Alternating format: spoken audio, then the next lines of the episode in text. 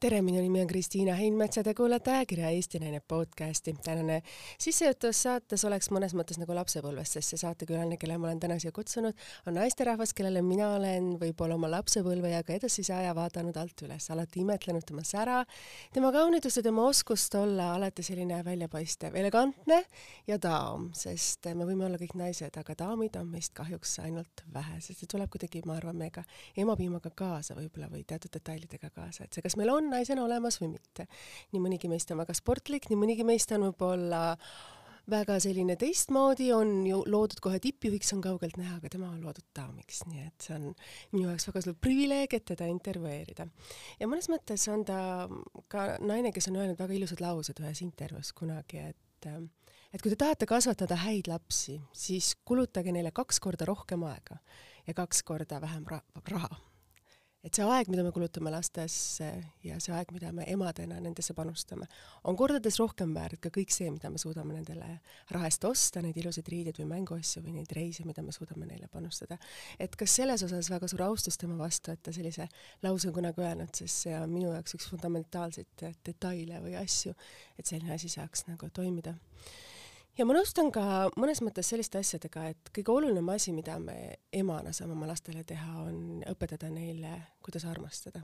et oskus armastada, oskus jagada armastust ja oskus seda armastust ka vastu võtta ja seda peegeldada, et see on võib-olla see, mida tihti kuidagi unustatakse, unustatakse meile lastest anda, kui me loome oma pere, siis me unustame või me ei oska märgata seda armastust enda ümber ja mingil hetkel, kui me tunneme, et midagi on meis puudu, siis on just see armastus, oskus võtta vastu armastust, oskus seda jagada ja oskus seda ka vastu peegeldada. kui me seda ei oska, siis see viha, mis meisse tekib ainult järjest ja järjest, see mingil hetkel tekib selliste raevupursetena, see muudab meid inimesena, see muudab meid teiseks, sest me ei suuda rääkida või me ei suuda välja öelda neid sõnu, mis, mis tegelikult tähendaksid ainult armasta ja võib-olla näe maailma kordades paremana, kui ta on.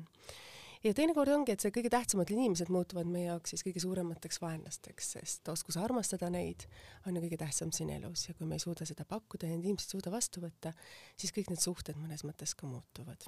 ja miks ma seda võib-olla täna räägin, on, et ähm, täna on kolmteist august, kui see saade läheb eetrisse, täna on minu sünnipäev ja võib-olla olen ka mina jõudnud sellisesse vanusesse, kus sa mõistad, et elus võib teha kõike, elus võib saada kõike aga see, kui sinu ümber on inimesed, kes sind armastavad ja see, kes näevad sinu armastust ja oskavad seda vastu võtta, et see on vast kõige tähtsam asi siin maailmas ja olla ema ja armastada oma lapsi tingimusteta, et see, aga see on väga oluline.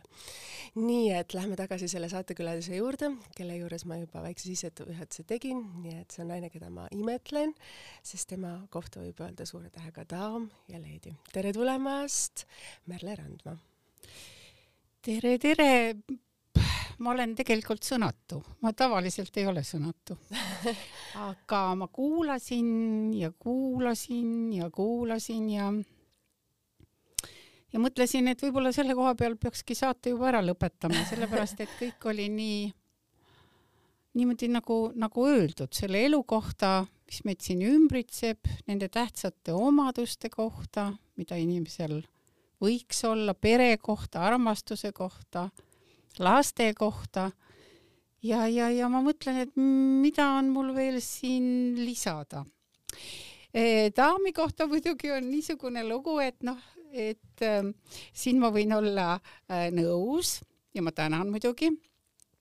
aga ma, ma ise mõtlen, et ma, ma olen lihtsalt nii, nagu ma olen, ega ma ei ole ennast äh, kujundanud, loonud, mul ei ole, mul ei ole imidži kujundajaid, mul ei ole pff, kes mind riidesse panevad, kes ütlevad, et nüüd nii, see päev naa. et see on jah, sul on õigus, et, et see vist on emapiimaga kaasa antud ja, ja ma olen nii, nagu ma olen. selle laste juures jah, eh, mul oli päris kerge öelda seda lauset, sellepärast et ähm, meie pere elukorraldus oli niisugune, mis võimaldas äh, anda lastele kaks korda rohkem aega ja ütleme, et siis panustada nii palju jälle võib-olla mitte osta jah, seda armastust, sest et meil oli Peeter Randmaga niisugune töökorraldus, et me olime palju kodus. palju kodus olla, see tähendab nii, et sa võid seal kodus olla, aga mitte lastega olla. aga meil oli näiteks see komme, et me sõime alati koos lõunat ja niisugust luksust ei saanud ju meie eelmise sajandi lapsed, kes olid siis sündinud, eriti lubada. vanemad käisid hommikust õhtuni tööl tulid elu. õhtul. elu oli keeruline. elu oli keeruline, elu aga oli teistmoodi, hakkama just, tuli saada, töö vajas ärategemist ja see privileeg, et süüa oma lastega lõunat, et see on imeline, ka minul on olnud see privileeg. no vot nii, siis sa tead, millest ma räägin. absoluutselt. aga kõige toredam oli selle juures see, et minu laste mm, üks klassivend minu poja klassivend tuli ühel päeval minu juurde ja ütles, teil oli nii teistsugune pere, et et, et nemad ainult vaatasid, et kuidas on võimalik, et, et on niisugune peremudel, mitte see, et ema-isa tulevad õhtul väsinult töölt ja hommikul vara lähevad. ja et nad on terved päevad üksinda. ja siis ma hakkasin nagu mõtlema tõepoolest, et, et aga meie jaoks oli see nagu normaalne ma ei tea küll, kui, kui normaalselt seda võtsid need lapsed, et see vanemad on tihti kodus ja, ja siis seda mm, niisugust um, omaette olemist on vähem, võib-olla nendele käis see närvidele, aga nojah, meie nautisime küll ma arvan ilmselgelt, kui nad olid lapsena, siis nad mõtlesid, et aga miks mul ei ole seda vaba aega, et ma võin kodus teha, mida ma tahan, keegi mulle midagi ei ütle, keegi mulle näpuga ei näita, sest ema-isa on tööl, mul on see vaba aeg. mõnes mõttes see on hea, lapsed võtavad vastutuse, aga samas, kui me saame emana nende juures olla ja kontrollida seda, et nad söövad hästi, nad õpivad õigeaegselt, nad saavad minna õhtul õigel ajal magama, nad on oma koolitükid ära teinud, enne kui nad lähevad treeningutesse, et see on tegelikult väga suur privileeg, mis on olnud ka minul ja mis on mul ka praegu ja ma kavatsen seda viimase hetkeni selles kinni hoida, et ma saan justkui lapsed on väiksed, võimalikult palju panustada oma aega, et seista just nende kõrval nende rasketes asjades, et kui laps teab, et sa oled olemas, siis see enesekindlus tegelikult, mis sa nendesse annad, on nagu meeletu, et mul on endal olnud kogemus võib-olla keskmise lapsega, et sellel ajal, kui ma olin TV3-s, ta pidi väga palju minuga tööl käima ja sest noh, mul ei olnud varianti, et ma proovisin küll need töökorraldused ära jagada, aga ka keskmise lapsega oli vaja ka tegeleda, et et siis ma tean, et tema kunagi kirjutas jah, jõulu jõuluvana sinna kapi peale, et tahaks, et emal oleks rohkem aega, et võib-olla see oligi üks lähe-, üks nendest detailidest, miks ma siis oma võib-olla mõnes mõttes töökoormust vähendasin ja mõtlesin, ma pühendan ennast jälle rohkem nagu lastele ja perele eh, no näiteks teleinimesena ja eh, näiteks telemajas oli palju lapsi, jooksid mm -hmm. ringi, aga mina võtsin kohe niisuguse seisukoha, et et äh, ma lapsi kaasa ei võta, sellepärast see ei olnud ka võimalik. hommikul vara oli vaja teadvustada, lapsed on ju koolis, mm, -hmm. eks ole, ja õhtul hilja, kui ma lõpetan töö kell üks öösel, lapsed peaksid juba magama mm. -hmm, see tähendas seda, et mina lapsi telemajja kaasa ei võtnud ja Peeter ka ei võtnud oma äh, esinemistele. nii et see mina kaasa rääkida selle koha pealt üldse ei saa, mm. et, et minu lapsed kasvasid, ütleme, teles üles või, või, või kusagil varietees üles, nagu Peeter laulis seal. et, et selle koha pealt nad kasvasid ikka kodus. aga lapsi jah, telemajas, kellel töö võimaldas, siis jah, lapsi oli seal palju ja nad olid minu arvates seal väga õnnelikud, ega, ega, ega see paha ei olnud, kui nad nägid, millega tegelevad nende emad ja isad. miks mitte sest väga palju nendest, kes nendel telemajas üles kasvasid, ka minul endal häid tuttavaid, nad on öelnud, et televisioon neil nii hinges sees, et nad kunagi ei kujutanudki ette, et nad midagi muud hakkaksid tegema või kasvõi mm -hmm. me võtame näitlejate lapsi, et need ja, on juba ja. täna ju teine või kolmas generatsioon juba peale kasvanud, sest harjumus teha midagi on sul nii sisse juurdunud, et sa ei oskagi võib-olla maailma vaadata enam teise pilguga, et ma tahakski teha midagi muud, et see on nii osa sinust juba mm. -hmm. aga Merle, kui sa sattusid sinna telediktori, kuidas öelda siis sinna keerisesse ja konkursile mm, -hmm. võib-olla meenutame natukene seda aega, et see on kindlasti nagu hoopis teistmoodi, kui see täna oli eh,? see oli tegelikult tõsine konkurss no ilmselgelt see oli võib-olla veel tihedam kui meil omal ajal need Miss Estonia valimised ja, ja ma arvan küll, et, et, et seda võeti väga tõsiselt. Eh, see, et ma välja valituks osutusin, see oli võib-olla niimoodi ette nähtud, ega, ega siin ei oskagi, seal oli väga-väga toredaid konkurente ja, ja mm, ma ei tea, kas ma olin siis nüüd nendest nii palju parem, aga ju, ju ma sobisin, ega ma muud ei oskagi öelda. mulle meeldis kunagi, kui Tõnis Kask ütles, et et see on väga hea, et Eesti Televisioonis on nii eri, eripalgelised diktorid, et nad ei ole kõik ühtemoodi niisuguse ühe vitsaga löödud ja mm, mõni on niisugune pidulikum, teine natukene argisem, üks on tume, teine hele.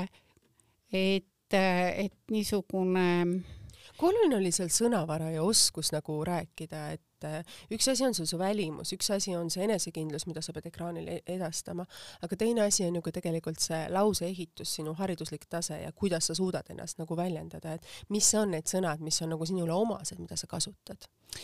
ei, tegelikult on niisugune lugu, et ega diktori töö ei tähendanud mitte mingisugust erilist loomingulist tööd. see oli ette kirjutatud. see oli ette kirjutatud ja, ja, ja see, mis on ette kirjutatud, seda sa pidid ka sõnasõnaliselt edastama ja kui vahetevahel sa seal oma loomingut ähm, eh, kasutasid, siis eh, nii mõnigi toimetaja tuli ja, ja ei olnudki väga rahul, kui sa natukene seal suupärasemaks muutsid. nii et see ja teiseks olid ajad niisugused, et ega sa seal oma loomingut eriti nagu ei, ei, ei saanud jah kasutada, aga me olime kõik haritud, kõik haritud. muidugi haridus ja haritus, need on, on kaks eri asja. me ütleme seda koos emadena. me olime, me olime ka haritud ja haridusega enam-vähem, nii et ühesõnaga seal oli, seal oli hästi-hästi tubli niisugused um, mitte just suu peale kukkunud inimesed, kõik olid isiksused seda ma pean küll ütlema, et kui see kriteerium üldse mingisugune oli, siis oli see, et, et sa pidid nii-öelda välja vedama. kui sa ei vedanud televisioonis välja, ega sul asja sinna siis ei olnud ka. pikka pidu võib-olla öelda siis, kui sind korra lubati ekraanile, siis ja, mingil hetkel ja, sa kadusid ja, ära. nii et ma mõtlen niimoodi, et ma tegelikult väga fännasin oma kolleege, me küll ei puutunud hullult kokku iga päev, eh, sest et tööajad olid lihtsalt niimoodi erinevad aga tegelikult ma hästi austasin neid, mm, eriti vanemaid tegijaid. kes oli sinu enda eeskuju? Mm, minu enda eeskuju, ega mul niisugust eeskuju ei olnudki, sellepärast et ma olen ikka nii palju erinev kõikidest teistest diktoritest ja, ja teine diktor oli jälle erinev minust ja ega ma niisugust eeskuju ei võtnud, aga mul oli mentor. mul oli väga hea mentor, kellega ma vahetevahel rääkisin ja see oli Endel Sõerde. Sõerde oli niisugune minu jaoks hästi hästi soe inimene, kuigi ma arvan, et nii mõnigi ütleb praegu, et ei tea aga mulle ta äh, kuidagi sobis. mis oli see tolle aja võib-olla mentorluse teemad või mis oli nagu see olulisus nende mentorite juures, et kui me täna räägime, siis see on nagu trend, viimase paari aasta trend, kus kõik tahavad mentorid olla, tehakse mentorlussaadeid, inimesed õpivad mentorluseks, kõik räägivad sellest. aga mis oli aastal kaheksakümmend üks, kaheksakümnendate alguses, see oli juba teine ajastu, et mentorsõna tollel ajal oli pigem selline mitte väga kasutuses olev sõna absoluutselt mitte, niisugust sõna ei tuntudki eriti. absoluutselt ja kui sina sellest räägid. niisugune mm, toetaja, ta oli inimene, kellele, kellele ma võisin aeg-ajalt rääkida mingitest oma muredest, tööalastest muidugi mm, -hmm. kes andis mulle ka tööalast nõu mm, -hmm. kes aeg-ajalt kuulas ja ütles, kuule kuule, võta seal midagi, noh, niisugust ja nii vaikselt, eks ju. E, e, ja, ja kes, kes võttis mind ka näiteks telemajas vastu. ahaa miks see, mis see tähendab telemajas vastuvõtmine? see tähendab seda, et kui ma juba olin konkursi võitnud ja mm -hmm. juba läksin nagu tööle, siis ma helistasin majja, et ma tulen, mul ei olnud veel luba. ja, ja Sõerde võttis toru, ütles, ma tulen sul vastu ja me, ja ta tuli vastu ja me läksime mm, alla kohvikusse muidugi kohe eh, nii-öelda neli sammu allapoole eh,, mis kohvik meil seal oli. ja, ja nii jäigi, kuidagi ta hästi sobis mulle, sobis inimesena, sest et ei saa olla mentor, kui, kui ta on sulle vastuvõetamatu, eks ju, või ei saa olla su tugiisik eh,. samuti me rääkisime pikad jutud maha, kui ma teadvustasin ja tema luges minu kõrval hilisõhtuseid uudiseid mm, -hmm. meil oli palju aega rääkida. mis on võib-olla need sõnad, mida sa oled ise endale nagu sellisteks mantrana või selliste sõnadena nagu meelde jätnud, et mis on need võib-olla kõige tähtsamad sõnad, mis ta on sulle öelnud, edastanud? No seal mm, ikkagi telemaja ei ole niisugune koht, see ei ole sul külmhoone number üks, kus konkurss, kus kon konkurents igasugune puudub ja sa saad, et sa saad olla mingi mm, niisugune mömm, et sa ikkagi mm, pead vaatama vasakule-paremale, nuusutama õigeid tuuli, aga, aga ma nagu ütlesin talle küll, et hea oleks, kui ma suudaksin jääda iseendaks, et nii nagu ma olen, nii ma olen, sest et ma ei ole ju diktori mm, töös rollis. ma olen nagu ma olen ja ta ütles, et äh, jah, et kui sa hakkad nüüd kedagi siin järele tegema, et noh, et, et see on küll nagu viimane ja tagumine käik üldse, mida sisse panna, et siis nagu siin pikka pidu ei ole. et ta nagu hoidis jah mind nagu sellel õigel kursil ja olgu seal need äh, fännikirjad tulid ja muud kirjad tulid, siis, siis ju eks ju muud ei olnud. et, äh, et et ta ütles, et noh, mitte midagi ei tasu tähele panna, need, kes kiidavad või need, kes laidavad, et lihtsalt olegi sina ise ja niimoodi lõpuni välja. Ja, ja vot need alati mul siis siin tiksusid siin kõrva taga niimoodi, ütlesin ahhaa, Sõerd ütles nii see on ju üks lauseid, mida sa siin eetris, eetrisse tulles ja siin alguses ütlesid, et sa oled täpselt selline, nagu sa oled, et see on sinu jaoks oluline. et kas ei ole nagu imeline, kui sa oled nii noor naine, et sa läksid ju noorena väga diktoriks sinna, et, et sulle juba siis antakse need sõnad edasi, need kogemused öeldakse, et ole see, kes sa oled, ära hakka kedagi teist tegema. siis tihti, noh, kui mina sattusin ka mõnes mõttes sinna keeristesse, siis öeldi, et tee nii või ole nii või kui sa juhid mõnda saadet, siis öeldakse, et sa pead nüüd seda kurja talendisaate kohtunikku natukene mängima, et sa ei saa kogu aeg nii malbe ja leebe olla, et siis sa nagu üritad teha midagi teisi ja siis sa hiljem ekraanil vaatad, et see on ju tegelikult võlts, et et see, mis sulle õpetati, et see on ju mõnes mõttes nagu imeline, et ole see, kes sa oled, et teekond tihti meil naistena selleni võib pikk olla ma saan aru, ega, ega mind ei õpetatudki, ma lihtsalt tahtsin äh, olla päris kindel, et ma olen ikkagi nagu parim parim, seal ikkagi olid, seal on. olid, seal on, seal olid kõik nagu parimad, omamoodi kõik parimad, ma just ütlengi, et kuna me olime niivõrd erinevad, siis see oligi see võlu et see ongi väga hästi, sa ütlesid, et omamoodi parim. sellisena, nagu sina oled parim, et ja. see on ka omamoodi ju väga õigesti ja. sõnastatud. jah, ma ei saa hakata tegema mm, Ivi Kreeni või, või, või ma ei tea, kedagi teist, Alice Talvikut mhm. näiteks mm, -hmm. eks ju. et äh, nii nagu on, nii on. ja niimoodi seda teed tuligi siis minna Nende aastate jooksul ETV muutus väga palju ja sina olid ju mõnes mõttes kõikide nende keeriste sees, et kaheksakümnendatel minnes siis oli ikkagi ju alguses, ajast oli midagi muud. mida sa mäletad kaheksakümnendate lõpust, et mis siis toimus, et see, ma kujutan ette, Ameerika mäed, mis seal majade seinte vahel oli, see see võis ikkagi päris hirmutav mõnedel hetkedel olla. minul ei olnud, sellepärast et äh, meie töö oli meie töö. diktoreid oli ikkagi veel vaja mm. -hmm. ja, ja, ja meie koha pealt nagu eriti mitte midagi ei muutunud aga kas sul ei olnud hirmu, et sa oled eetris ja sa pead edastama äh, sõnumit seal ja võib-olla sa ei kartnud, et võib-olla tuleb keegi ukse peale, ütleb, et lõpeta nüüd ära, tahab ise eetrisse tulla, sest teie, need, ütleme, sinu saated olid kõik otse ju Eh, vaheteadustused mm. -hmm. ja otse muidugi ei, ei mitte midagi, mitte mingit hirmu, ma ei, ma ei, ma isegi ei oska, ma ei oska seda isegi, vaat üks asi, mis siin veel eh, muidugi diktorite puhul või teadustajate puhul on hästi tähtis, on see eetrinärv. sellepärast, et kui sa oled kogu aeg otse-eetris, noh siis üks närvipundar ja niisugune mm, ebalev ja kokutav, no see inimene eh, kaua vastu ei pea, sul peab olema eetrinärv, aga sul peab olema ka närv mis on eetrinärvil ja närvil siis vahe ja kuidas sina õppisid nendega nagu selles mõttes toime tulla, sest ma tean omast käest, mis tähendab, kui öeldakse kaamera üks, kaks, kolm, kaamera läks kätte ja sa võtad see sajandiks sek sekundises, sa ei saa sõna öelda, sest su huul veriseb mm. -hmm. Jah, vot seda mul ei ole olnud. imeline. ja seda mul ei ole olnud, sellepärast ma ei tea seda kaasa rääkida aga sa ütlesid ikkagi närv ja eetrinärv, et need on kaks mm -hmm. erinevat sõna. ja, sest mõni inimene on jube niisugune pabistis ja niisugune, aga ta võib-olla mina olen aga, aga selle, selle, see on päris hea asi tegelikult, sest et see paneb inimest hästi palju töötama, enne töötama, enne kõik valmis mõtlema.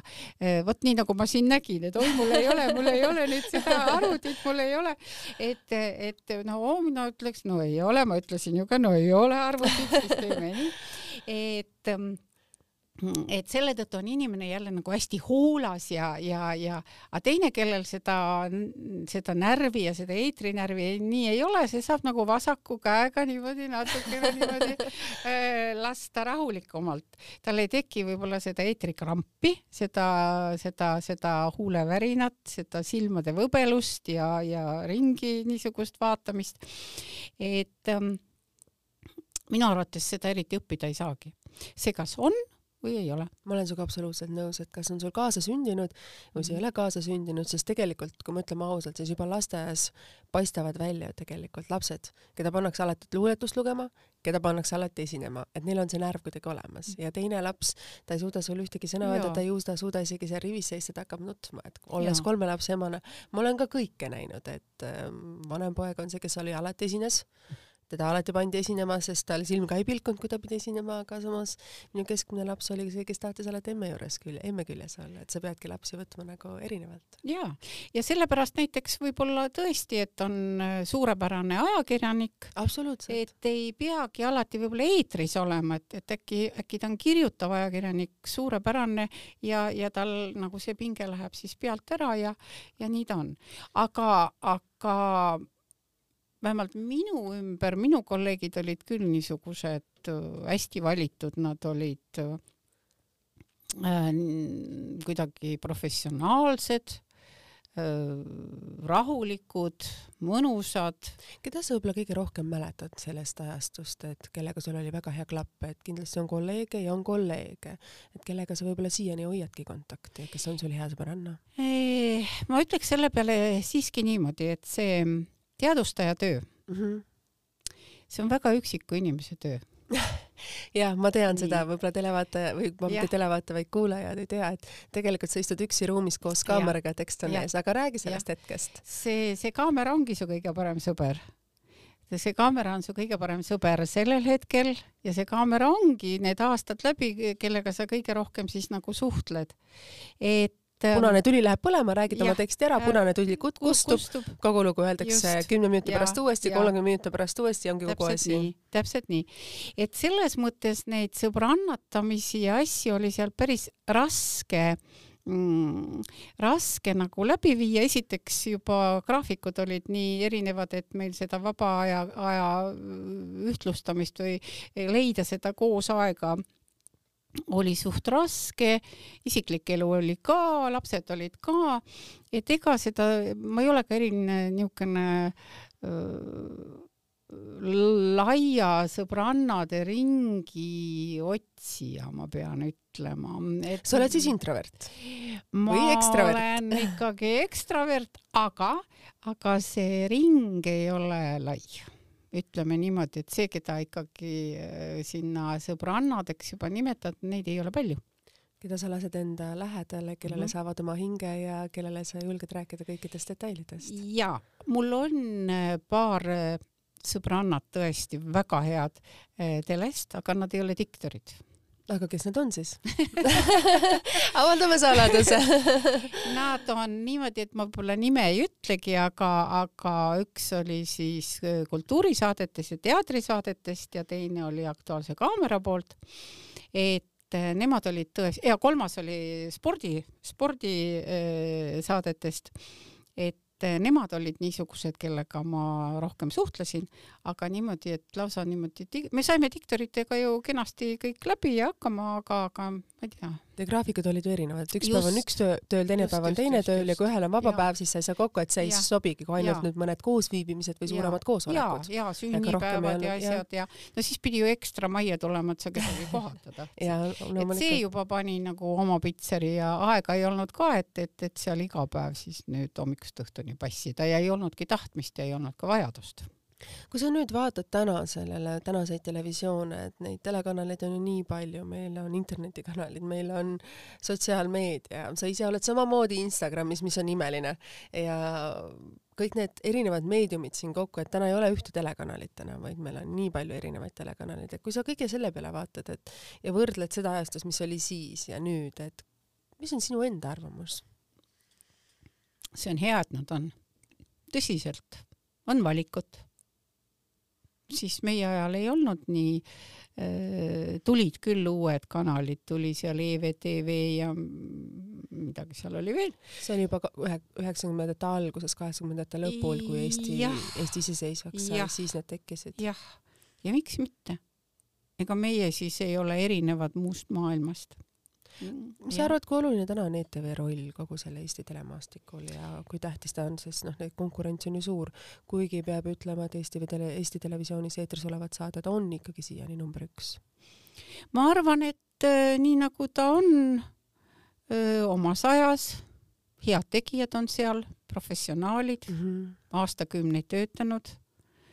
ma arvan, et tase on päris kõrge ja, ja võib-olla ma tervitaksin mõnda uut säravat tähte või uusi kes on sinu jaoks võib-olla särav, särav täht siis täna? Mm, no ütleme niimoodi, et nad ikkagi on kõik vanad tegijad, keda ma fännan, aga ma, ma näeksin hea meelega, et tuleks kusagilt äh, või kasvaks peale, ütleme niimoodi kolm, neli, viis, kuus, seitse tükki, kes oleks äh, nagu uued ja säravad, et, et see võib-olla rikastaks veel seda äh, Neid ka on, aga on, on. minu on, jaoks on, on nii mõnigi veel hetkel lapsepuhkusel. ma ei hakka kella nimesid siin nimetama, et. Sest et noh, nimed tekitavad alati niisugust äh, diskussiooni ja miks sa mind ei öelnud ja, ja miks sa mind ei öelnud ja, aga. Mm, see on jälle selles mõttes üks selline leedilik äh, vastuse andmine, et ära kunagi nimeta või ära näita näpuga, vaid alati leia selline kesktee ja rahulik vastus. no ma mõtlen küll, et äh, võib-olla see on lihtsalt elukogemus, et ei saa nii hullult nimedega loopida et vasakule ja paremale ja, ja, ja siis seda tulevärki, et, et natuke taltsutame oma, oma mõtteid ja, ja lihtsalt viitame. aga jah, ma näeksin tõesti hea meelega, et mõni niisugune hästi mm, krapsakas, kena, telegeeniline ta võiks olla, sest vahe, vot mida ma olen vahetevahel vaadanud, et, mm, et vist saab üsna kergelt nüüd telesse tulla, et nagu see väline pool vahetevahel jätab küll soovida jah, inimene ise võib olla niisugune kena, aga, aga nii mõnigi minu tuttav on öelnud, issand, kus just see, kes üldse Eestis ei elagi, ütleb oi-oi-oi-oi, et kas ta teeb mingeid spetsiifilisi saateid, et ta on ikka väga nagu huvitav spetsiifilise välimusega. ma ütlen ei, ta on tavaliselt siin niimoodi on. et, mm, et meie oleme harjunud nendega, aga võib-olla niimoodi teiste inimeste pilgule kõik ei ole nii. ma olen, ma olen sinuga selles mõttes nagu nõus, et kui me vaatame muid, kuidas öelda siis maailma telekanaleid ja neid tippsaatejuhte seal, siis jah, see telegeenilisus mm -hmm. on seal ikkagi ka väga suur komponent, mitte siin ju ainult haridus ja haritus, vaid ka see telegeenilisus ja ma olen sinuga selles ja. mõttes mõnes mõttes nõus, et Eestis on võib-olla sellele nii palju ei panda võib-olla rõhku, ka võib-olla need võimalused on kordades väiksemad, et neid ilusaid kleite võib-olla laenutada või neid teha või need töökoormused on ka suuremad, see tähendab seda, et meil on naistena võib-olla raskem ennast hoida vormis ja leida endale aega ja ei ole võib-olla iga kord enne eetrisse minekut ka võimalused käia meigist läbi ja leida seda ajast, kuidas öelda, juuksuriaega, sest ikkagi no ma tean, iga daam peab alati selle jaoks aja leidma, see on number üks ja seda ma saan küll, aru, sa ei pane veitsi näpuga. tegelikult ma, tegelikult ma mõtlen mõtlesin siin mehi minu arvates meie, meie naised on kõik suurepärased, nad on alati väga ilusad, väga see, väga korras ja väga kenad näevad välja. aga tegelikult ähm, ma mõtlesin siin mehi. Ja ma mõtlesin mehi, et, et nii mõnigi mees tekitab küsimuse. selles osas ma olen väga nõus, sest ikka, kui, kui lips on viltu või kehakaal on. nii suureks läinud, et sa ähid seal ekraanil, siis minul on tõesti ka küsimus, et miks ta sinna ekraanile lubatakse, et see ikkagi, see natukene häirib, ma olen selles mõttes nõus, et meil on nii palju ägedaid noori tegijaid, et võib-olla teinekord peaks ikkagi eelistama noh, selles mõttes neid, et et äh, ikkagi see teksti edasiandmine, et kui inimesel selles mõttes hääl jookseb kokku ja tal on näha mingisuguseid probleeme, et siis ma olen selles mõttes küll nõus, aga meeste osas võib-olla kuidagi kriitikat teha on natukene keeruline, et vahetaks nüüd kiiresti teemat kuidagi. ei, tegelikult ma tahan veel öelda selle lõpetuseks, et, et see ei puudutanud üldse, see jutt ei puuduta Eesti Televisiooni. lihtsalt ma olen vaadanud üldises, üldises pildis jah, ma olen sinuga nõus jah. Äh, mõni üksik niimoodi satub sinna ja siis on, siis ma vaatan, et, et nojah, et et, et võib-olla ta ei peaks nii, nii, nii trügima. võib-olla Merle, ma tean, et sa pead vist kohvikut Kalamajas, meil on olnud kõik need koroonaajad. kuidas sina oled oma eluoluga nagu hakkama saanud, et ega ei ole lihtne, lihtsad ajad olnud? nojah, noh, mina, mina olen seal väiksem tegelane, aga noh, noorte käes on ikkagi seal ohjad, aga muidugi ega see aeg ei, ei jätnud ju kedagi puudutamata aga eks... mis see aeg võib-olla õpetas sind ja mis see aeg võib-olla, kuidas öelda, pani võib-olla teistmoodi maailma vaatama, et mis on need detailid sinu jaoks? eks, eks, eks ma vaatan täpselt samamoodi nüüd maailma nagu need kõik, kes said öö, koroona tõttu kannatada ja neid on ju tuhandeid ja tuhandeid inimesi. aga noh, mis seal ikka, külluse ajal tuleb koguda küllust ja, ja, ja, ja kui on rasked ajad, võib-olla, et siis vaadata, et see mm, see raske olukord ei oleks nii raske, et kuidagi nagu kindlustada oma tagalat ehk. et, et mõelda hästi palju tuleviku peale et midagi ei ole teha. niisama mingisuguseid kulutusi võib-olla mitte teha, investeerida ikka ainult kindla peale ja tulevikku, mõelda nende inimeste peale, kes on, kes su tööl on, sest vastutus on ju inimeste ees kõige suurem. sa mainisid hetk tagasi, et ohjad on noorte käes, kellega siis sa koos sa seda kohvikut pead?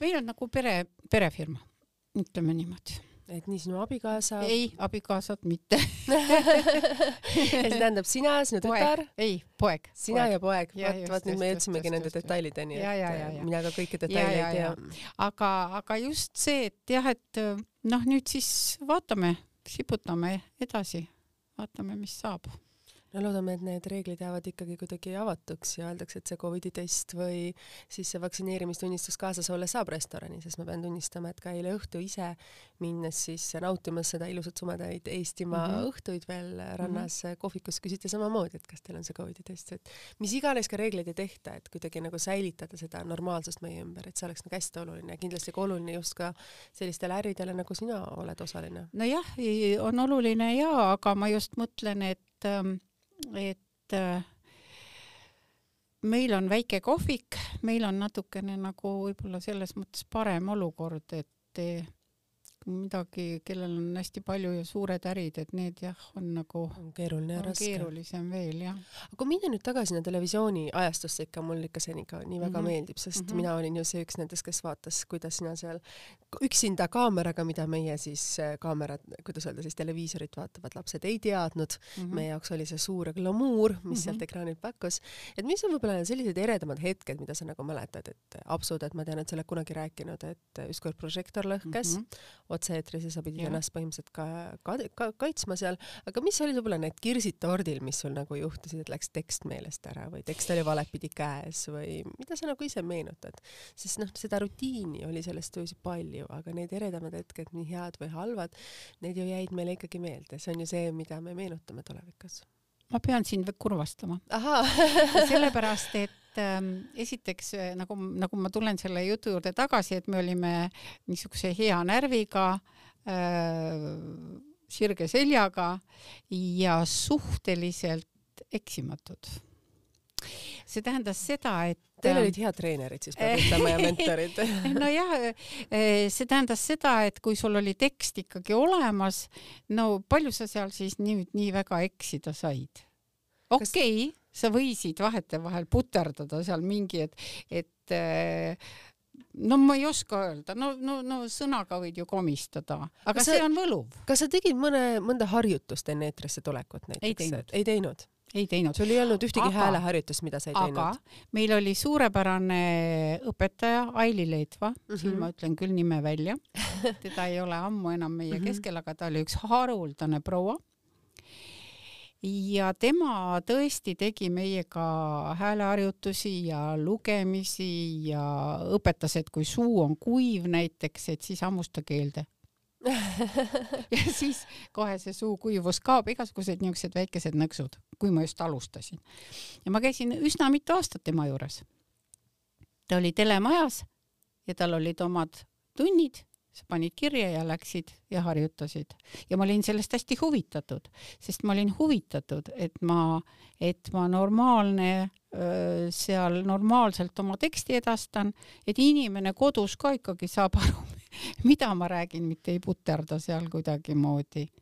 on ju nii, et, et, et, et tema abi oli suur kui sa nüüd ise mõtled sellele ajale tagasi, et ka selle perioodi sisse jääb ju sul ka emaks saamine? enne. sa said enne emaks, et kui sa läksid tööle, siis sul olid juba lapsed olemas ja,? jah nii et sellepärast oli see õnnistatud töö, et nagu me just siin saate alguses ütlesime, et mul olid äh, vabad päevad ja ma saingi olla kodus ja saingi olla lastega ja, ja, ja kuna mehe töö võimaldas ka niimoodi, siis me saime niimoodi, et lapsed ei käinud suurt äh lasteaias. ja, ja meil ei olnud ka hoidjat. nii et me saimegi kahekesi hakkama see on väga suur privileeg mm. -hmm. kui lapsed läksid kooli, siis sul tekkis kindlasti endal rohkem vabadust ja mingil hetkel ju näed, te lendasite pesast välja, et mis oli see või need uued asjad, mida sina enda elusse siis nagu tõid, et selles mõttes naisena emaks olemine on väga suur osa, väga suur osa ajast võtab meil ja mingil hetkel me ju peame mõtlema, et aga kuidas edasi, mismoodi, et mis on meil elus oluline, mis on detailid, et kas ise jooksid ka mingil hetkel võib-olla selliste teemade ja selliste asjadega kokku? esiteks, minu lapsed on üles kasvanud nii, nagu minu sõbrad. ega ma neid eriti nagu ei ähm, ei suissutanud selles mõttes, et nüüd hoidsin neid sabast kinni, et kodunt välja ei läheks ja niimoodi. poeg äh, sai kaheksateist, ütles kohe, ta tahab iseseisvat elu. ju siis ikkagi see kodune, ta, ta ongi vabaduse poole püüdlev. Äh, tütar oli kauem, äh, ta lõpetas ülikooli ja siis nagu läks välja. aga ega, ega minu elus suurt midagi ei muutunud. ega selles mõttes, et ega lapsed ei takistanud siis äh, enesearengut, enesearengut, kontserdil käimisi, kinos käimisi, reisimist, lugemist, äh, mida iganes. ega, ega, ega lapsed ei ole tülinaks, et, äh, et kõik seesama jätkus. noh, võib-olla, võib-olla võib-olla intensiivsemalt natukene, sest noh, mingi vaba aeg tekkis rohkem. mis on see, kuhu sa oma intensiivsuse tahtsid siis nagu suunata, et mida sa tundsid siis, et mida sa tahad nagu rohkem eneses arendada või kuhu nagu edasi jõuda, et et ilmselgelt seda perioodi, kui lapsed olid juba suured pesast välja lennanud ja see, kus sa võib-olla tegelesidki väga erinevate asjadega, et äh, seda perioodi on ka ju olnud päris palju, päris pikalt ei oskagi öelda nüüd, et ma nüüd lausa, ma ei tea, mida välja mõtlesin, võib-olla, et ma rohkem reisisin siis, sest siis tekkis see, et ma ei pidanud ikkagi kodus olema Teatud ja tekkis see vabadus ja mm -hmm. tekkis see vaba, vaba aeg ja ma kasutasin seda reisimiseks, aga reisimine on ka niisugune, et eks ta ikkagi laiendab silmaringi sa näed inimesi mujal maailmas, näed, kuidas nemad toimivad, näiteks näed seda, kuidas, kuidas äh, peremudelid toimivad, kuidas vanadest inimestest näiteks hoolitakse, näiteks äh, ütleme Korea jah, Lõuna-Korea, kus äh, neid vanu perekonnaliikmeid austatakse, veetakse igale poole kaasa, nende eest hoolitsetakse, tuuakse, viiakse, poputatakse seda Eesti ühiskonnas väga palju ei ole. jaa, Jaapanis samamoodi. no isegi Saksamaal ma vaatasin, tegelikult oli see mulle täiesti ikkagi hästi positiivne vaadata, kuidas pered võtavad näiteks õhtusöögile kaasa ka oma ema mm, -hmm, oma mm -hmm. isa, et või võtavad näiteks reisile kaasa oma ema või isa ja nad ei ole mitte selles lapsehoidja rollis, ei, ei, nad ongi võetud puhkama ja nende üle tant-, nende ümber seal tantsitakse ja hommikukohv tuuakse ja, ja söögid, mis nad soovivad ja kõik mitte nii, et ema-isa lähevad diskole, sina istu siis nende lastega, et ma olen, võtsime ju su kaasa, eks ju. ei, ei, et, et, et niisugune perekondlik äh, austus oma vanemate vastu. see, see jääb hästi silma no ma ei tea, kui palju siin või näiteks on Saksamaal oli mm, üks ähm, mm, paar juhust ma olen ka vaadanud ja siis äh, ükskord oli ka perega mm, nagu juttu seal kõrval lauas, et, et ei, et see vanaema on meil äh, vanadekodus, aga et iga nädalavahetus me võtame ta meiega koos sööma restorani. aga see on väga ilus traditsioon ja kogemus ju tegelikult. et, ähm, et see vanade inimeste see, see, et, et keegi kusagil on ja sinust hoolib. ja, ja mulle meeldib tegelikult ka vahetevahel vaadata siin Eestis. On teatud, teatud inimesed, nad on päris tuntud. Ja kui ma näen, et nad on pannud üles oma pildid koos emaga, koos isaga ja, ja, ja need pildi allkirjad on niisugused armastavad. Ja, ja kus nad seal käivad, siis ma näen, et vot et see on täitsa, täitsa omal kohal ma arvan, et see on midagi, mida me saame emada, emadena kaasa anda, et kas meid austatakse tulevikus või mitte. et kuidas me oleme võib-olla mõnes mõttes ka oma lapsi kasvatanud, et see mõnes mõttes peegeldub, ta ei pruugi seda alati teha, aga ta ikkagi kui sa annad lapsele kaasa kõik, mida sa ise suudad ja sa ikkagi loodad, et tulevikus midagi, ka sa ise peegeldab sulle vastu sinu kasvatusest. et nagu sa ütlesid ka ise kus et see daamilikkus on ikkagi midagi, mis läheb meile emapiimaga kaasa, et seda ei saa nagu õpetada. või kasvõi see hoolivus, et kui sa ise hoolid lastest, sa oled alati nende jaoks olemas, siis ma millegipärast arvan, et kui sa oled ise vanem, et nad on ka sinu jaoks olemas näiteks, et noh, näiteks minu ema samamoodi pühendas väga suure osa elust minu peale, sest isa oli ära ja tal ei olnud muud varianti, ta pidi olema nii ema kui isa, sest see tähendab ka seda, et ka täna on minu jaoks ema väga, ema roll ja emaks, ema olemine, ema, ema, kuidas öelda, minu ema roll minu, minu elus äh, väga oluline ja väga tähtis, et noh, näiteks samamoodi ma ei ole võib-olla aastaid temaga koos reisinud, see kuidagi ei ole olnud nagu, kuidas öelda siis, kokkuleppeliselt või nagu sobilik teatud detailide pärast äh,, mitte minu enda arvamuse pärast, vaid tuli aktsepteerida teisi arvamusi, siis nüüd see nädalavahetus ma broneerisin meile Haapsalusse ära ja me läheme tähistame minu siis ütleme siis sünnipäeva nädalavahetust Haapsalus siis koos kolme generatsiooniga, et mina, minu ema ja tütar, et see on midagi, mida ma olen ammu tahtnud teha. Ja nüüd on mul see võimalus ja nüüd ma seda ka hakkan harrastama, et minu no,, minu perekond ja minu need äh, lähedased on nagu olulisemad, et need reeglid võib-olla, mida sa mingil hetkel endasse adapteerisid, sa arvasid, et see on õige, siis tänasele, tänaseks ma olen aru saanud, et väga paljud asjad ei ole õiged. Ja kui sa ikkagi tunned sisemiselt, et sa tahad midagi teha, siis tuleb seda teha. Ja kui teine pool ei aktsepteeri, siis tuleb selgelt sirgelt seda öelda ka ei, et see on võib-olla, mida mina olen võib-olla nüüd õppinud ja see, mida sina ka räägid, et mis igal pool mujal on normaalsus, on võib-olla meie Eestis veel ebanormaalsus e,. lihtsalt äh, kahju on, ei, ma ikkagi tean neid perekondi, kus on hästi palju nagu aega ja armastust ja, ja, ja kõike on nagu antud, aga selleni ei ole jõutud, et et seda vastu natukenegi peegeldada. et Kuidas ega sul... see väga normaalne nüüd ka siin ei ole et.... kui, kui sa vaatad oma lapsi, et äh, mida sa näed nagu nendes, et mida sa oled võib-olla ise, ma ei tea, õigesti teinud või mida sa näed, et sa oleks võib-olla võinud nagu omal ajal teistmoodi teha, et sa ütlesid, et see ei pruugi alati peegeldada vastu meie lastesse, mis me oleme neile andnud? seda ma ei oska sulle öelda isegi. sellele küsimusele peavad su lapsed vastama sellepärast, et äh, et äh, eks see paistab sest tegelikult noh, kui arvestades, et sa pead oma pojaga koos seda kohvikut, siis see näitab ikkagi, et temal austus sinu vastu ja soojus sinu vastu on ju väga suur. see on väga Sest... raske. väga raske. see on väga raske, minu arvates niimoodi, et mina oma emaga või oma isaga ei oleks suutnud kunagi koos teha. nii et selles mõttes äh, äh, niimoodi pere sees see on päris raske, ega see kerge talle ei ole, sellepärast et seal rollid kõik muutuvad, sa ei ole enam ema sa oled siis partner, nii mm. -hmm. aga kuidas sa siis oled? iga päev siis niimoodi, et lähed uksest välja, siis oled nagu emaga ja siis astud kohviku uksest sisse, oled nagu partneriga. kuidas sa selle on... rolliga ise hakkama saad? sellega on võimatu hakkama saada, see ongi õudne ja, ja, ja see ongi väga raske talle ka, sellepärast et ja mulle ka sellepärast, et ma ei saa talle hakata seal poeg, tead-tead, eks ole, töötajate ees ja niimoodi. ei tule välja, järelikult ma pean ma pean olema siis äh, mingi muu roll, on ju, aga, aga seda ühildada on tohutult raske. ega see ei ole niisugune lust ja lillepidu, ega ma ei soovitagi seda.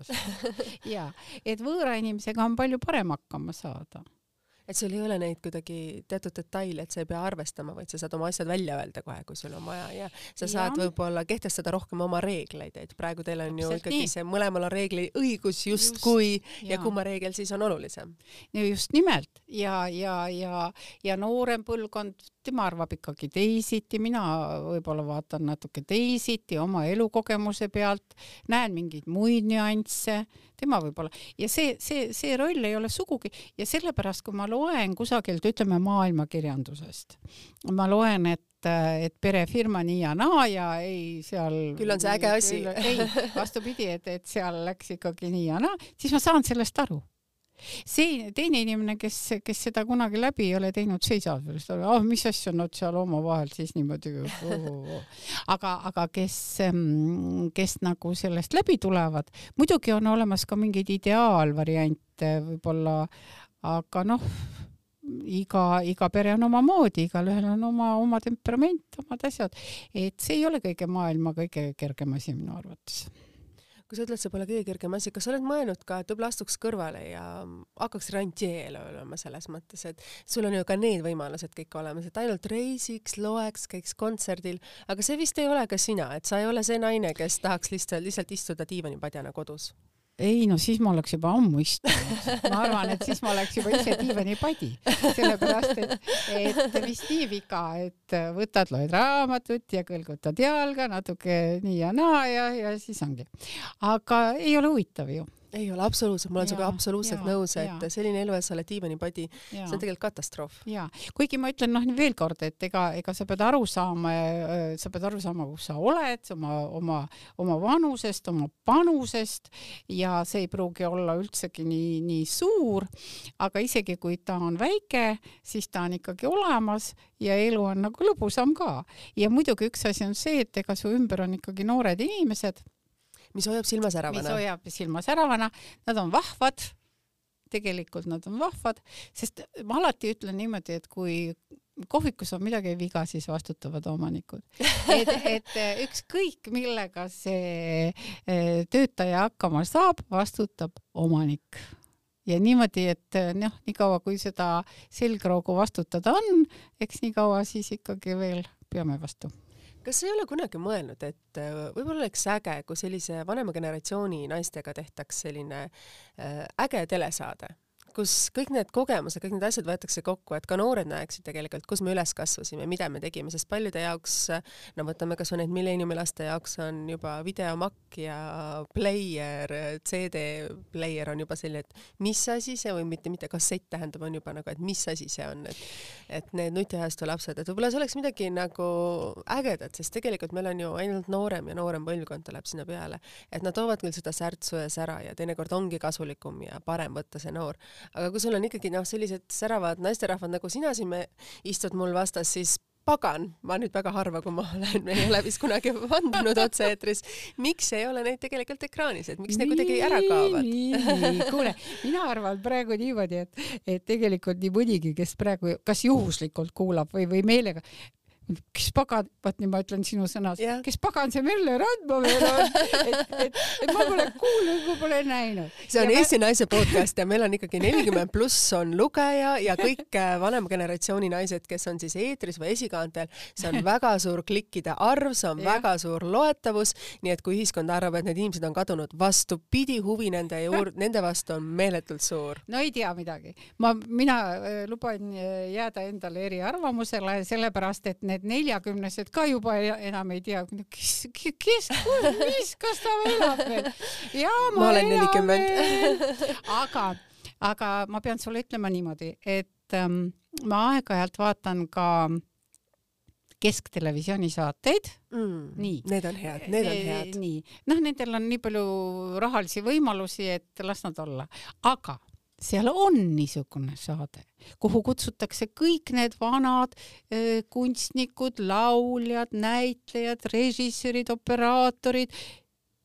appi, nad näevad nii õudsed välja Nad näevad tõesti ja samas nad on hästi armsad. aga.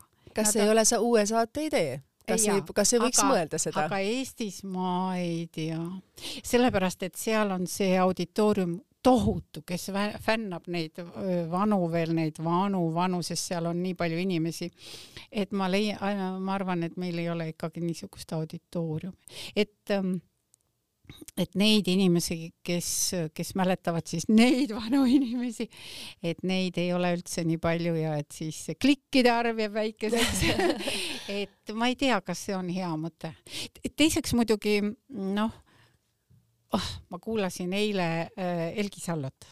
jaa, oi. ma, ma kuulasin ja vaatasin ja mõtlesin, annaks jumal et, et, et enamus kaheksakümneseid oleksid, esiteks näeksid nii super välja, teiseks, et mõistus oleks niivõrd paigas, eh, kolmandaks, et oleks niisugune sära, neljandaks, et oleks niisugune huumorimeel, neljanda, viiendaks, et oleks niisugune töötahe ja nii edasi ja nii edasi ja nii edasi.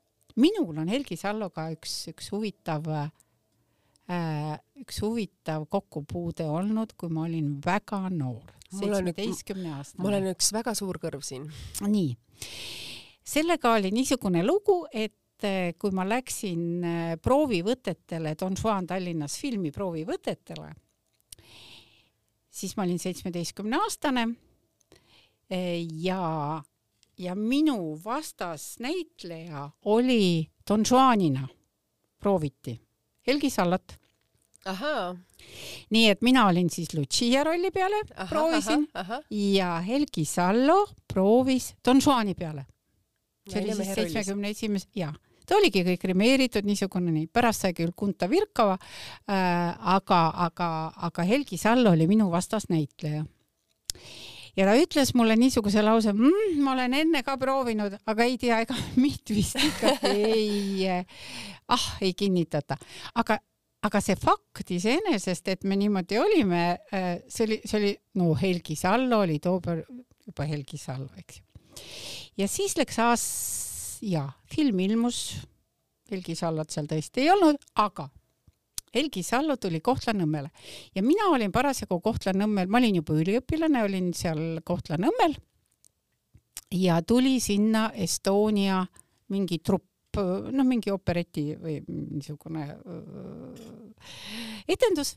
Helgi Sallo oli seal. Aha. ja ma läksin teda siis tervitama lava taha ja mul oli see kava käes ja ma mäletan, mis ta sinna kirjutas. ta kirjutas Merlele sinu Don Juan. jah, ja, ja, ja kindlasti ja, ja see, see eile mul pumm tuli kusagilt siis seitsmekümne esimesest aastast, nii kaua ei elata, öeldakse, eks ju. et äh, tuli mul nagu see niimoodi lõi äkki ette, et, et mul on niisugune, niisugune tore kogemus Helgi Salloga. kindlasti ta ju ise seda ei mäleta, ta on andnud neid autogramme vasakule-paremale ja aastakümneid, eks ju. aga kahjuks on mul läinud see kaduma seoses kolimiste ja kolimiste, noh ikkagi see oli vanemate kodus mul ja sealt läks see kaduma, see, see kavaleht, kuhu Helgi Sallo niimoodi kirjutas, sinu Don Juan. nii et ühesõnaga, see oli tast hästi armas. Vot niisugune lugu on Helgi Salloga nii armas hetk, mida sa meenutasid, see on tegelikult ka see, mida ma ennem küsisin, et mis mm -hmm. on need mhm. kirsid tegelikult mm, -hmm. sest need kirsid tordil moodustavad meie, kuidas öelda siis, meie elu ja need säravamad hetked, nagu sa Helgi Sallast rääkisid. ja inimesed, inimesed on kõige tähtsamad, minu arvates on inimesed väga tähtsad, kes su ümber on. ja need, need inimesed teevadki sinu elu, sest et ega ega mina ise ei ole see, see, ma üksi, üksi ei ole ju mitte keegi. et aga need inimesed, kes su ümber kõik on, nemad teevad sinu ja võib-olla sina natuke mõjutad neid ka. ja need inimesed on väga tähtsad. sellepärast peab inimestest hoolima. inimesi peab nagu tuleme selle saate alguse juurde tagasi armastama ja ka andestama, siis on suur rahu südames. sa ütled nii ilusad sõnad praegu, et äh, mul endal tulid pisarad silma ja sul endal ka, et äh, et eks me naistena peame läbi tegema päris palju olukordi ja ma arvan, et täna need sõnad, mida sa räägid, sa tead, mida need tähendavad. et oskus elus andestada et see on midagi, mida me ei pruugi veel kahekümneselt osata, mida me ei pruugi tunnetada selle tähtsust oluliselt kolmekümnelt, millest me võib-olla hakkame aimu saama. mina täna alles neljakümneselt ja võib-olla Helgi Salla vanuses me teame, mida see sõna ja see sõnapaar võib-olla tähendab ja võib-olla kui me tagasi mõtleme, et miks ei olnud võib-olla elus neid hetki, kus me noortena oleks võinud selle sõna tähendust panna rohkem esikohale, kui võib-olla oma seda ego, omaenda mõtteid, omaenda tahtmisi, et oskus andestada on elus väga oluline ja tähtis. Aga nüüd me ei tahaks saadet lõpetada küll sellise väga sügava ja väga elufilosoofiliste mõtetega, vaid teeme ühe sellise viimase rõõmsa küsimuse, mida sinult on küsitud, ma arvan, umbes sama palju, kui sa oled autogramme jaganud. mis on sinu ilu ja sära saladus? Oi, oi, oi, oi, oi, oi, minu ilu ja sära no sest ilmselgelt sellest ei ole võimalik mööda vaadata, sest kaugelt, kui tuleb meil hõljuv Merle Randma, näeb samamoodi välja nagu umbes kakskümmend kaks äh, naisterahvas säravate blondide juustega, lehvitab kaugelt botased jalas ja keskkoht on, vabandust väljendusest, nagu vaba, kahekümne ühe aastasel missi valimiste kandidaadil, siis ikka võtab jalad nõrgaks küll. no kõigepealt ma soovitan prillid võib-olla panna ette sellele, kes vaatab, et võib-olla. mul on silmadega kõik korras nüüd on niisugune lugu, et, ähm, et ma ei oskagi sellele küsimusele absoluutselt vastata. ma ei no. oska, sellepärast et ja on kogu aeg küsitud ja, ja kui ma ütlen, ma mitte midagi ei tee, siis keegi ei usu ja kui keegi ei usu, siis ei ole mõtet niimoodi ka vastata. aga mida ma pean ütlema, et äh, mulle meeldib jalgsi käia. tõesti, liikuda punktist A punkti B jalgsi ja vanasti öeldi, et liikumine naise tervise ja ilu pant ja söön ma kõike, armastan magusat, selle järgi ärge käige. ja, ja ma arvan, et siin on lihtsalt geenid ja kõik. mina ütleksin võib-olla seda, et sulle võib-olla anti kunagi nooruses väga head sõnad kaasa, et ole see, kes sa oled. ja siis, kui sa tunned, et sa oled iseendaga rahul siis on ka see sinu välimuses näha. et kui sa oskad iseendaga rahul olla, oled sõlminud iseendaga rahu, nagu sa seda ütlesid, et saabub see rahuhetk, et siis ma ise, ise nagu tunnetan naisena seda, et siis see paistab ja kiirgab sinu sisemus ka välja, sest öeldakse, et inimese, et vaata kõigepealt inimese, inimese sisemist ilu või vaata inimesele sisse. et kui sa seesmiselt oled, kui ta seal rahulolematu, siis on see ka sinu välimuses näha üks asi muidugi, mida ma, mida ma pean ütlema, et ega iga päev ei saa olla ilus ja ei tohigi olla, sest Just. see hetk. sa ei ole kunagi ilus. nii, lugu on säärane, et, et on ju, on ju, vahel sa oled võib-olla haige, võib-olla sa ei tunne ennast hästi, no mm -hmm. kindlasti mm, siis sa ei sära siin midagi, võib-olla ainult äh, palavikust kilavad silmad, eks ju, ja mitte midagi muud ei sära.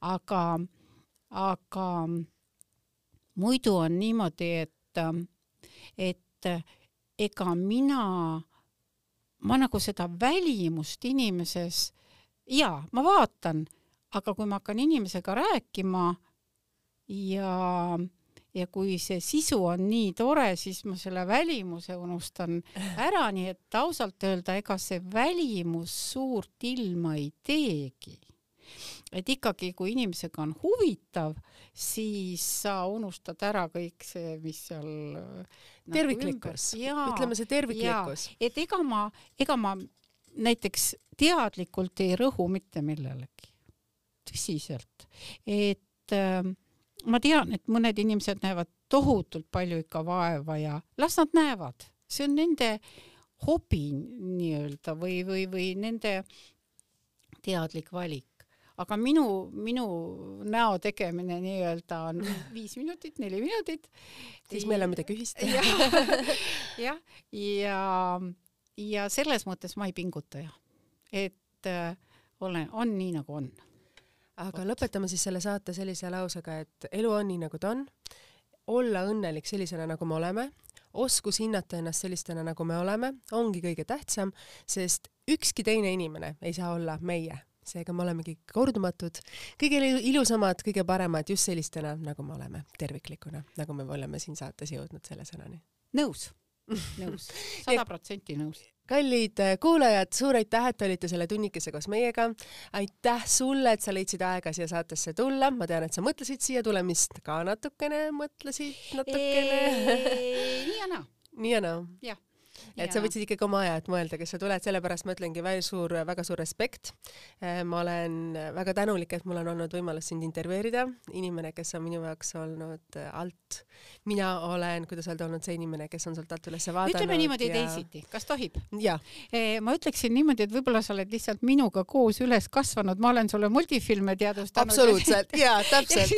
minuga, minuga koos niimoodi rõõmsalt üles kasvanud, et ma olin sul ikkagi aeg-ajalt kodus külaline, küll läbi teleekraani, aga et ma olen sul nagu vana tuttav. absoluutselt, ma olen nõus ja saada selliste inimestega, kuidas öelda, ühes ruumis istuda, neid intervjueerida ja kuidas öelda, mõnes mõttes avada seda kardinat, et mis on nende hinges ja millised nad on päriselt, et teleekraanilt paistame me ühtedena ja tegelikult me oleme teised, nii et aitäh selle imeilusate sõnadest, aitäh nende imeilusate hetkedest, mis me oleme siin tunni aja jooksul veetnud, nii et veel kord, kallid kuulajad, suur tänu teile, ma loodan, et te saite natuke inspireeritud, saite natukene uusi mõtteid ja nagu ikka, on saade saadaval nii Spotify, SoundCloudi kui ka Tasku Delfi keskkonnas ja kohtume teiega juba nädala pärast. kaunist nädalavahetust, nägemist! nägemist! out.